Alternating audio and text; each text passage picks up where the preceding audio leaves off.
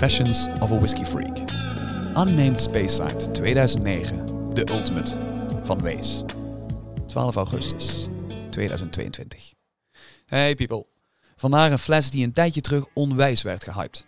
Een Unnamed Speyside gebotteld door Van Wees. En volgens de geruchten moest dit een Macallan zijn. 13 jaar oud en dat voor vijf tientjes. Iedereen had het erover en de eerste cijfers kwamen binnen op Whiskybase. 90, 88, 90, 92, 88. Al snel had deze whisky een score van rond de 88 en hoger gemiddeld.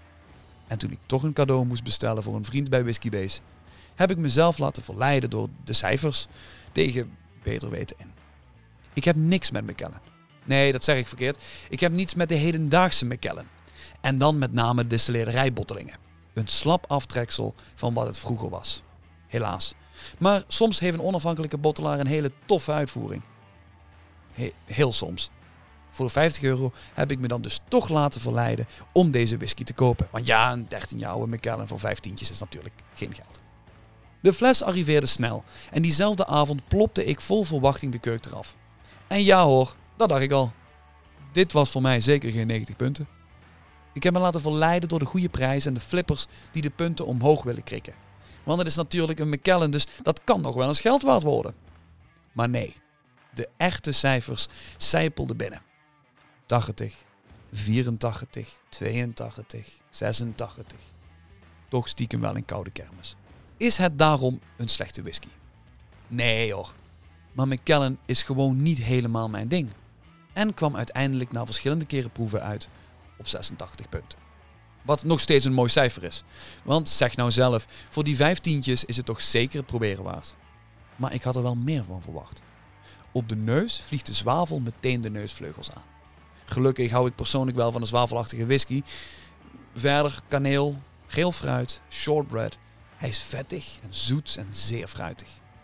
Het palet heeft rood fruit, geel fruit, zwavel en is romig zuurig, met witte pepers en ook hier veel fruit met lichtelijk wat sherry-invloed. De afdronk is verwarmend en medium lang, met sappig fruit, zuur en wat houtbitters, vette oliën en fruit. Al met al een prima whisky, maar feit blijft dat ik me heb laten verleiden. Ik merk dan ook dat de whisky steeds dieper in de kast belandt en daarmee in de vergetelheid raakt. Dus tijd om hem weer naar voren te schuiven. Bedankt voor het lezen. Cheers. Robert. Tekst is geschreven door Robert van Confessions of a Whiskey Freak. Wil je meer reviews lezen? Check dan confessionsofawhiskeyfreak.nl De grootste Nederlandstalige whisky review site. Wil je nou meer horen van mij?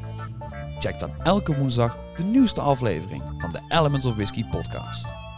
Ook gewoon hier op Spotify, Apple Podcast, Google Podcast en op YouTube.